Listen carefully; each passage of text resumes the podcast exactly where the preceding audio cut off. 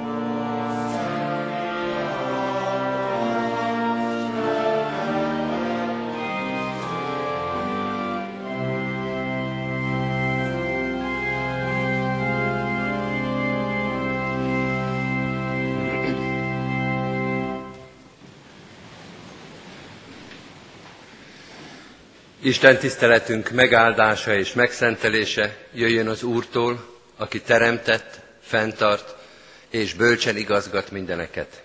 Amen. Kedves testvérek, hallgassátok meg Isten igéjét, ahogy szól hozzánk Péter első levele, második fejezetéből, az elsőtől a tizedik versig terjedő ige szakaszból. Isten igéjét alázatos szívvel, figyelemmel hallgassuk. Isten igéje így szól. Levetve tehát minden gonoszságot, minden álnokságot, képmutatást, irítséget és minden rágalmazást, mint újszülött csecsemők a hamisítatlan lelki tejet kívánjátok, hogy azon növekedjetek az üdvösségre, mivel megízleltétek, hogy jóságos az Úr. Járuljatok ő hozzá, mint élőkőhöz, amelyet az emberek ugyan megvetettek, amely azonban Isten előtt kiválasztott és drága, ti magatok is, mint élőkövek, épüljetek fel lelki házzá, szent papsággá, hogy lelki áldozatokat ajánljatok fel, amelyek kedvesek Istennek Jézus Krisztus által. Ezért ez áll az írásban. Íme teszek Sionban, leteszek Sionban egy kiválasztott drága sarokkövet, és aki hisz benne, nem szégyenül meg.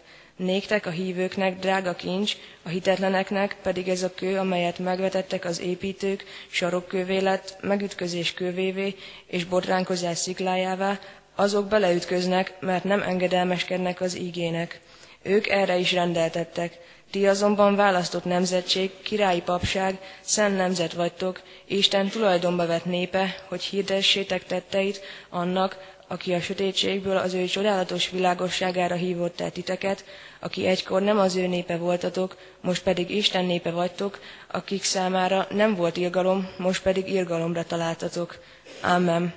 Isten szent lelket tegye áldássá szívünkben az ígét, és adja, hogy annak ne csak hallgatói, hanem befogadói és megtartói is lehessünk.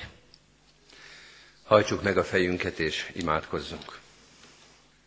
Úrunk, köszönjük néked, hogy mint élő kövek beépülhetünk az, e- a te egyházadba, hogy van hely, ahova elhívtál, és ahova beépítesz minket, hogy vannak nemzedékek, amelynek a hitére, gyakorlatára, Krisztus követésére mi is építhetünk, és amelyből tanulhatunk, hogy van hely ebben a világban, ahol otthon érezhetjük magunkat.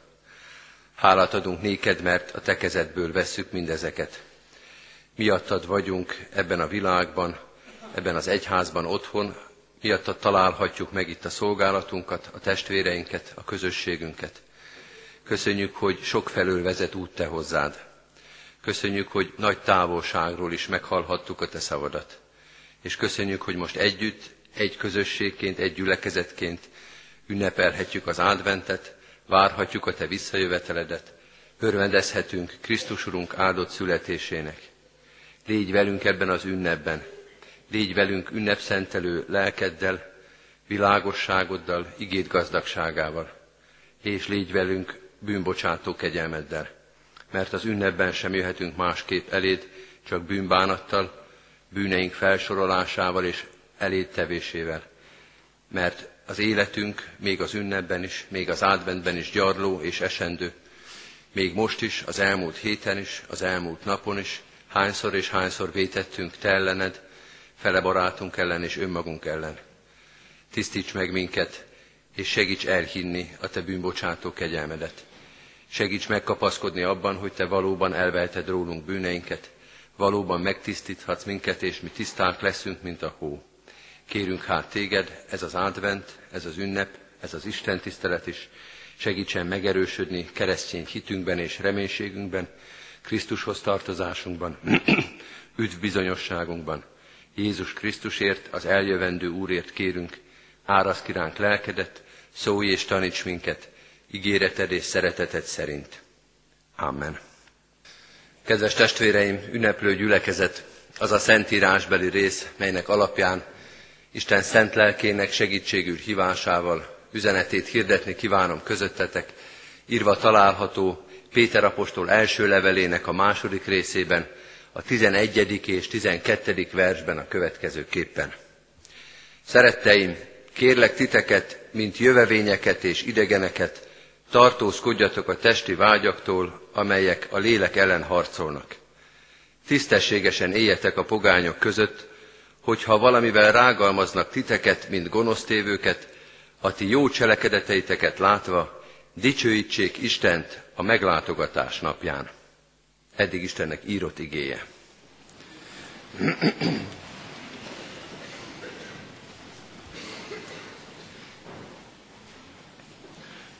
Kedves testvérek, az advent tele van olyan alkalmakkal és igékkel, olyan Isten tiszteletekkel, amelyeken híres és fényes advent igék hangzanak felénk, akár az Ószövetségből, akár az Új Szövetségből. Vannak olyan bibliai alakok és szereplők, amelyek, vagy akik újra és újra felbukkannak az adventi időszakban. Nem nagyon sorolható közéjük Péter első levele, nem nagyon jut eszünkbe ez a levél akkor, amikor az adventről gondolkodunk. Keresztelő János, vagy az Ézsaiás igék, vagy egy-egy Zsoltár, vagy Zakariás és Erzsébet története hamarabb jutnak eszünkbe adventben, mint az az ige, amely a mai napi újszövetség igeként előttünk van. Ezt a levelet, Péter első levelét, nagyon összefogott és nagyon egységes szövegről van itt szó. Sok biblia kutató egy keresztelési igehirdetésnek tekinti, amely valamikor legalábbis a magja ekként hangzott el, és mint ilyen egyáltalán nincs messze attól az ünneptől és attól a tartalomtól, amelyben mi most vagyunk. Tehát lehet, hogy nem egy tipikusan adventi történet és ige az, amelyet olvasunk, de nem lesz nehéz a Péter első levele és az adventi gondolat között hidat verni. Azt mondja Péter a megkeresztelteknek, és itt most ebben a korban természetszerűen elsősorban felnőtt keresztényekre gondoljunk, tehát azt mondja ezeknek a felnőtteknek, hogy keresztények lettek, hogy új életet kezdtetek. Krisztusra néző életben éltek, ez az újdonság az életetekben, már pedig a keresztény ember, aki Krisztusra néz, ez azt jelenti, hogy őt követi, és őt várja vissza.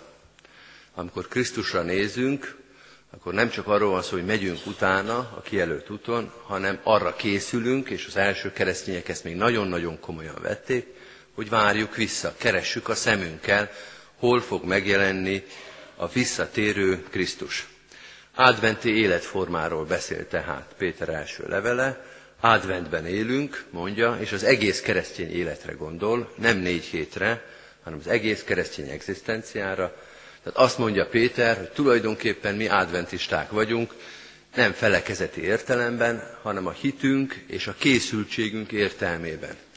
Hogy keresztényként a visszatérő Krisztusra nézünk, és őt várjuk. Hogy ezt Péter elmagyarázza az első keresztényeknek, hogy ennek a gyülekezetnek, egy furcsa képet alkalmaz. Azt mondja, jövevények és idegenek vagyunk. Szeretteim, kérlek titeket, mind jövevényeket és idegeneket.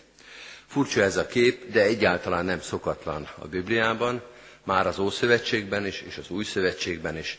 Ez a metafora, vagy ez a hasonlat, hogy olyanok vagyunk, mint a jövevények és keresztények ebben a világban, ez újra és újra előfordul. Nem azokhoz a keresztényekhez képes vagyunk újak, idegenek és jövevények, akik már eddig is a gyülekezetben voltak. Péter nem ezt mondja a frissen megkeresztelteknek, hogy hát ti még idegenek vagytok számunkra, de majd megszokunk titeket. Nem erről beszél, amikor a többi keresztényre utal, akkor azt mondja, ti is, mint ők is, egykor nem az ő népe voltatok, de most Isten népe vagytok. Ti már ide tartoztok, hozzánk képes nem vagytok idegenek.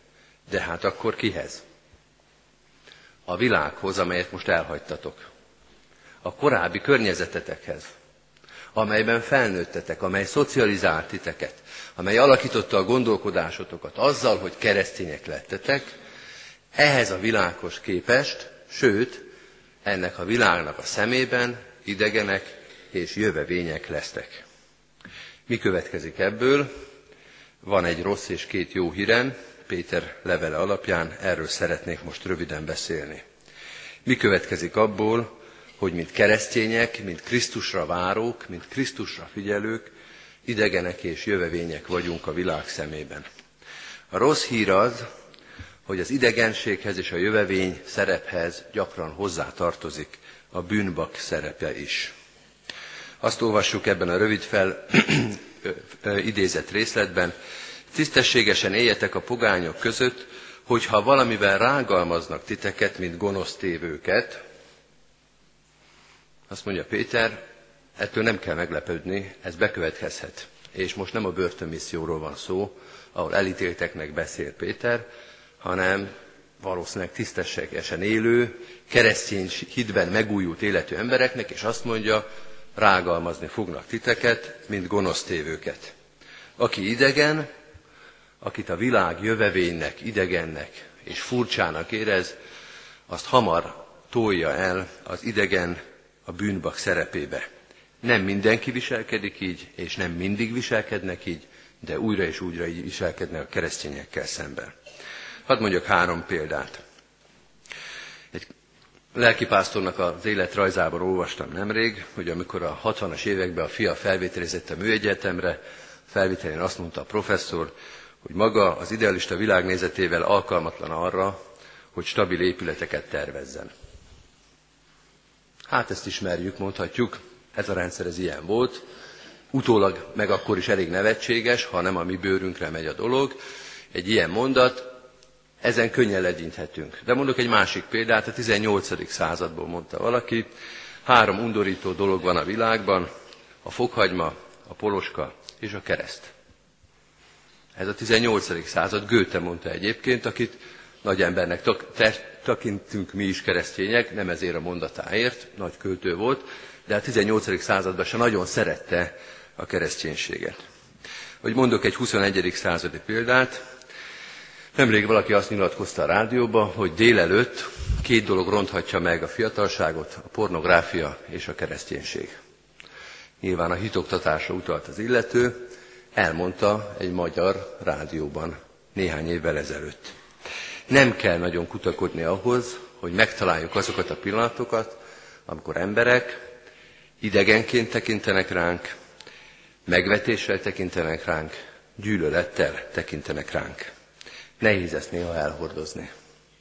Kellemetlen lehet, fájdalmas lehet, vannak emberek, talán itt közöttünk is, akiknek ez törte keresztbe az életét, ezért nem tanulhattak tovább, ezért alakult úgy az életük, ahogy alakult, mert keresztények voltak, és ezt mások is tudták róluk. De van ennél még egy rosszabb dolog is. Nem az a legrosszabb, amikor a világ azt érzi, hogy ti idegenek vagytok, ti mások vagytok, ti keresztények olyanok vagytok, mint a jövevények.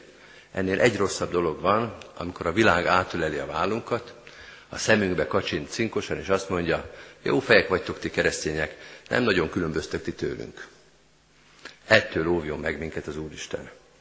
Amikor a világ nem azt érzi, hogy mi mások vagyunk, hanem azt mondja, hogy hát ez a kereszténység, ez ugyanolyan, mint az összes többi. Nincs itt semmi különbség, nincs itt semmi titok, nincs itt semmi másság. Ugyanazt csinálják a keresztények is, mint az összes többi. Na ez a veszélyes a keresztényeknek. Ebből lesz aztán a nagy fájdalom.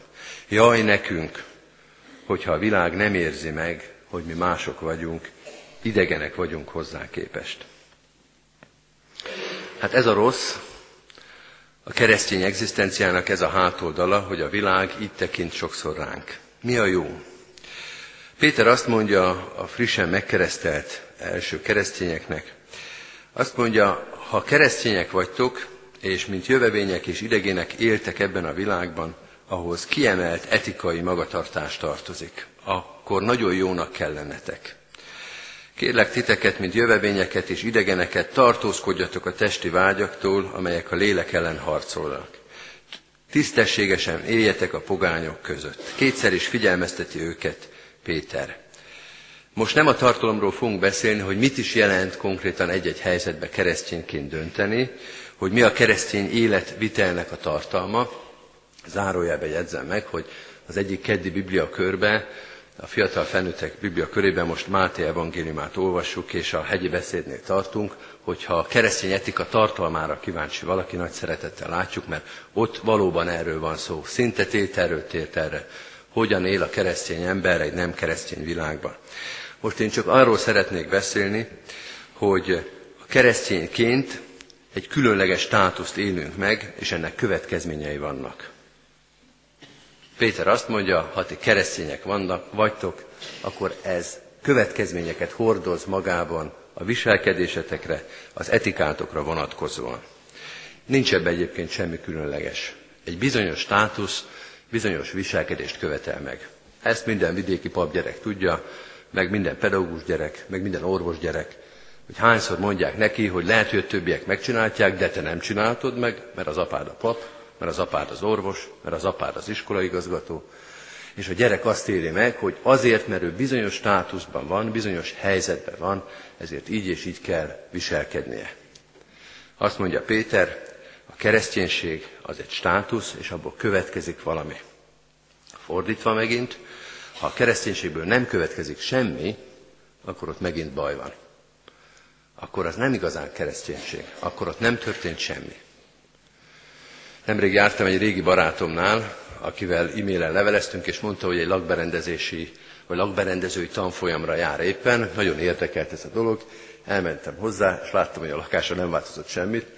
Ugyanolyan ízléstelenül és rendetlenül él korábban, és kérdeztem, hogy három hónapja jár erre a tanfolyamra, mit tanult? És mondta, hogy hát nem sokat, mert elég unalmas a tanfolyam, meg elég rossz is az előadó, meg sokszor hiányzott. Kedves testvérek, a kereszténység ne legyen ilyen rossz tanfolyam, amelyikről hiányzik az ember, rossz az előadó, unalmas is, és valahogy semmi nem látszik meg az életünkön. Ahhoz, hogy valaki keresztény legyen, van egy bemenet, amikor Krisztussal találkozik, de van egy kimenete is a dolognak, hogy elkezd az életén látszani az, hogy ő keresztény. Ha a lakbarendezési tanfolyamot végez, akkor elvárjuk tőle, hogy ez meglátszódjon a lakásán. Ha Krisztushoz tartozik, elvárjuk, hogy eképpen viselkedjen. És van egy harmadik dolog, amit Péter megfogalmaz, a kereszténységünknek, az adventi életformáknak a következménye az, hogy Krisztushoz vezetünk életeket. A keresztény életnek az adventi életformának az a következménye, az következik ebből, hogy másokat Krisztushoz, kell vezetnie. Menjünk vissza a második ponthoz, ott azt mondtuk és azt fogalmaztuk meg, hogy kiemelt etika tartozik a kereszténységhez. Úgy kell viselkedni, hogy Krisztushoz méltóak legyünk. De miért? Miért viselkedjünk úgy? Azért, hogy bebizonyítsuk a világnak, hogy mi mégis jók vagyunk? Azért, hogy legyőzzük a világot, és azt mondjuk, hogy mi jobbak vagyunk? Azért, hogy lenézzük a világot, és azt mondjuk, hogy mi jók vagyunk, de ti viszont rosszak vagytok? Nem ezért. A 12. vers végén van egy érdekes megfogalmazás. A ti jó cselekedeteiteket látva, a pogányok, dicsőítsék Istent a meglátogatás napján. Meglátnak titeket a pogányok, és majd amikor Krisztus visszajön, akkor ezek, akik pogányként megláttak titeket, akkor már ők is az Úristen dicsőítsék. Tehát most meglátnak titeket pogányokként, néha bűnbaknak kezelnek, néha nem, elkezdik az életeteket figyelni, és mire Krisztus visszajön, már ők is keresztények lesznek. Na ez a cél, mondja Péter. Hogy Krisztushoz vezessünk embereket az életünk példáján. Hogy amikor ránk néznek, előbb-utóbb ők is keresztények akarjanak lenni. Legyenek keresztények. Tisztázunk valamit, a hit az Isten ajándéka, mi nem teszünk senkit keresztényé. Nem tudunk olyan jók lenni, hogy ettől más keresztény legyen. De úgy élni, hogy ez kívánatos legyen, hogy fölkeltse az érdeklődését a másiknak, úgy lehet. Hogy minket az Isten fölhasználhasson a pogányok felé, és azt mutathassa az Isten, hogy nézzétek, ott vannak a keresztények, nem lenne jobb úgy élni? Vagyis az Úristennek ne legyen az a feladat, hogy próbálja meg eldugni minket a pogányok elől, nehogy elriasszuk őket a kereszténységtől, hanem fordítva, hogy bármelyikünkkel példálózhasson, és azt mondhassa, nézd meg a keresztényeket, hogy kezelik a konfliktusaikat, hogy vannak az anyósukkal, hogy vannak a szomszédjukkal, hogy tudnak megbocsátani egymásnak. Nem lenne jobb neked is, pogány, így élni, mint ez a keresztény? Somói Győző, az én egyik kedvenc grafikusom, aki a 60-as években végzett katolikus teológiát, és ő írja a teológiáról, hogy abban az időben nagyon szellemi volt a katolikus teológia, vagyis semmiféle testkultúra nem volt, ő pedig egy olyan nagyon mozgós ember volt, és nagyon szeretett sportolni, de nem volt nagyon rá lehetőség. És eh, kitalálta, hogy hajnalban, amikor még tart a szilencium, tehát még beszélni nem lehet, de futni már igen, ő lemegy a központi szeminárium udvarába, és ott fog kocogni. De hát ugye beszélni nem lehetett róla, mégis az történt, hogy néhány hét múlva ott a hajnali ködben, hajnali 5 óra felé egy egész sereg kispap caplatott és futottak, mert ugyan magyarázni nem kellett a dolgot, meg lehetett, mert nem is volt szabad megszólalni, de a példa az ragadós volt. Milyen jó, hogy kicsit bemozgatni magunkat reggel.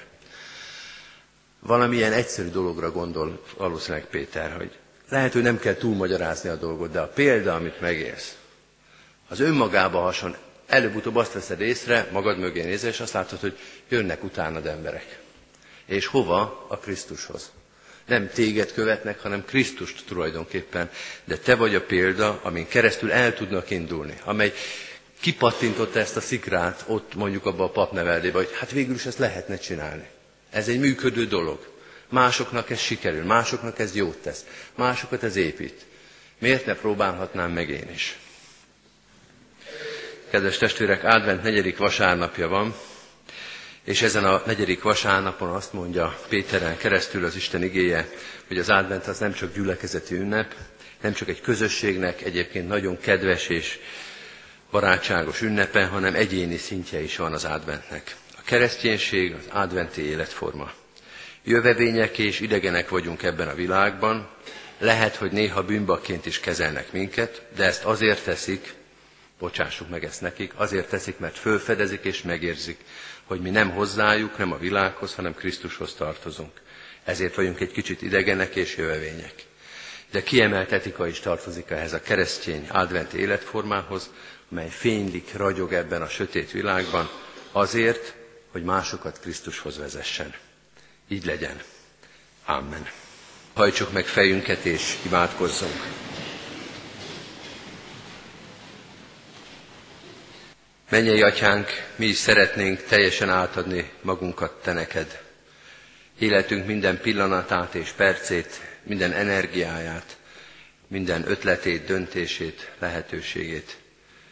De jó lenne, ha nem tartanánk meg magunknak semmit, hanem mindent és teljesen és tökéletesen neked adhatnánk. Segíts minket ebben. Tisztítsd meg az életünket minden önzéstől, minden önmegvalósítástól, maga akarástól, hogy valóban mindent átadhassunk neked. Mert csak az marad igazán a miénk, ami a te kezedből jön. Csak azt kaphatjuk vissza megszentelten és tisztán, amit neked oda tudtunk adni. Így kérünk ebben az adventben, ebben az örömben, ünnepben, segíts ebben. Segíts nekünk, hogy mindennel és minden dolgunkkal neked tudjunk elszámolni tőled kapott ajándékként tudjunk rácsodálkozni. Hozzád fűződő, neked szóló felelősségérzettel tudjunk mindenben lépni, szolgálni, dönteni. Köszönjük, hogy újra és újra tanítasz, vezetsz és erősítesz minket ebben. Ebben az adventben, ige hirdetésekben, úrvacsarai közösségben, testvéri közösségben, közös imádságban élhetjük át újra és újra. Te velünk vagy szereteted és kegyelmet szerint. Köszönjük, hogy ezt kérhetjük a következőkre is, az előttünk álló nagy ünnepre. Légy velünk és szentelj nekünk ünnepet. Azokkal, akik bővölködnek, akik örömben és háladásban élnek, és légy azokkal, akik szűkölködnek, akik fájdalomban, szomorúságban, félelemben vannak. Te látod egész életünket, szívünk minden titkát, légy velünk, és válaszolj kérdéseinkre. Imádkozunk hozzád teljes szívvel a ránk bízottakért, a családtagjainkért, a közelben évő, élőkért és a nagy távolságban lévőkért. A te gondviselő kegyelmed és szereteted őrizze őket bajtól, bútól, próbatételtől, betegségtől. Imádkozunk azokért, akik már benne vannak a próbatételben, a betegeinkért, a kórházban lévőkért, a műtétre készülőkért. Könyörünk azokért, akiknek a szívében szomorúság, rettenet vagy szorongás van. Te légy mellettük, és mutasd meg, te mindenre képes vagy. Te gyógyulást, felépülést, vigasztalást hozhatsz a legsötétebb pillanatokban is. Könyörgünk a gyászolókért, akik az elmúlt hetekben álltak meg koporsó mellett. Te légy a vigasztalójuk, lelked adjon felépülést a gyászból, légy mellettük a hiány, a gyász, az üresség pillanataiban. És erősíts minket is, hogy imádságunkkal, szeretetünkkel körül tudjuk venni a gyászoló testvéreinket. Imádkozunk azokért, akik magányosan élik az életüket. Te légy a társuk, állj mellettük, különösen is az ünnepi pillanatokban, hogy a magányuk ne roppantsa össze szívüket, hanem hozzád vezesse őket, és benned atyát, gondviselőt és bennünk testvéreket találhassanak. Imádkozunk a gyülekezetért, annak minden tagjáért, a városért, amelyben élünk, az országért, a nemzetért, amelynek tagjai vagyunk. Őriz meg minket ebben az ünnepben, szeretetben, megértésben. Hallgass meg a közösségeinkért mondott imádságainkat is. Imádkozunk azokért, akik keresnek téged, de nem találnak, akik nem lelik a hozzád vezető utat. Hadd legyen ez az ünnep, és benne a mi életünk is, Isten tiszteleteink, szavaink és mosolyunk, út és lehetőség számukra, a rád találásra, a Krisztushoz vezető útra. Imádkozunk azokért, akik nem is keresnek téged, akik gúnyolnak, akik megvetnek, akik minden, minket idegennek és ellenségnek tekintenek. Őértük imádkozunk az ő megtérésükért, rátalálásukért, és azért, hogy szeretettel, megbocsátással és megengesztelődéssel tudjunk rájuk gondolni. Adj nekünk békességet a szívünkbe, a világba, amelyben élünk, a jövőbe, amelyre készülünk. Krisztusért, a világ uráért és megváltójáért kérünk. Maradj velünk ígéretet szerint. Amen. Most vigyük egyen-egyenként is Isten elé imádságainkat. Amen. Fennállva és együtt mondjuk el az Úrtól tanult imádságot. Mi, Atyánk, aki a mennyekben vagy, szenteltessék meg a Te neved. Jöjjön el a Te országod, legyen meg a Te akaratod, amint a mennyben, úgy a földön is. Minden napi kenyerünket add meg nékünk ma, és bocsáss meg védkeinket, miképpen mi is megbocsátunk az ellenünk védkezőknek. És ne vigy minket kísértésbe, de szabadíts meg a gonosztól, mert tiéd az ország, a hatalom és a dicsőség mind örökké. Amen. Hirdetem az adakozást az ige szavával, hálával áldozál az Úrnak, és teljesítsd a felségesnek tett fogadásidat. Mindezek után Istennek népe, áldjon meg tégedet az Úr, és őrizzen meg tégedet. Világosítsa meg az Úr az ő orcáját te rajtad, és könyörüljön te rajtad. Fordítsa az Úr az ő orcáját te reád, és adjon békességet néked. Amen.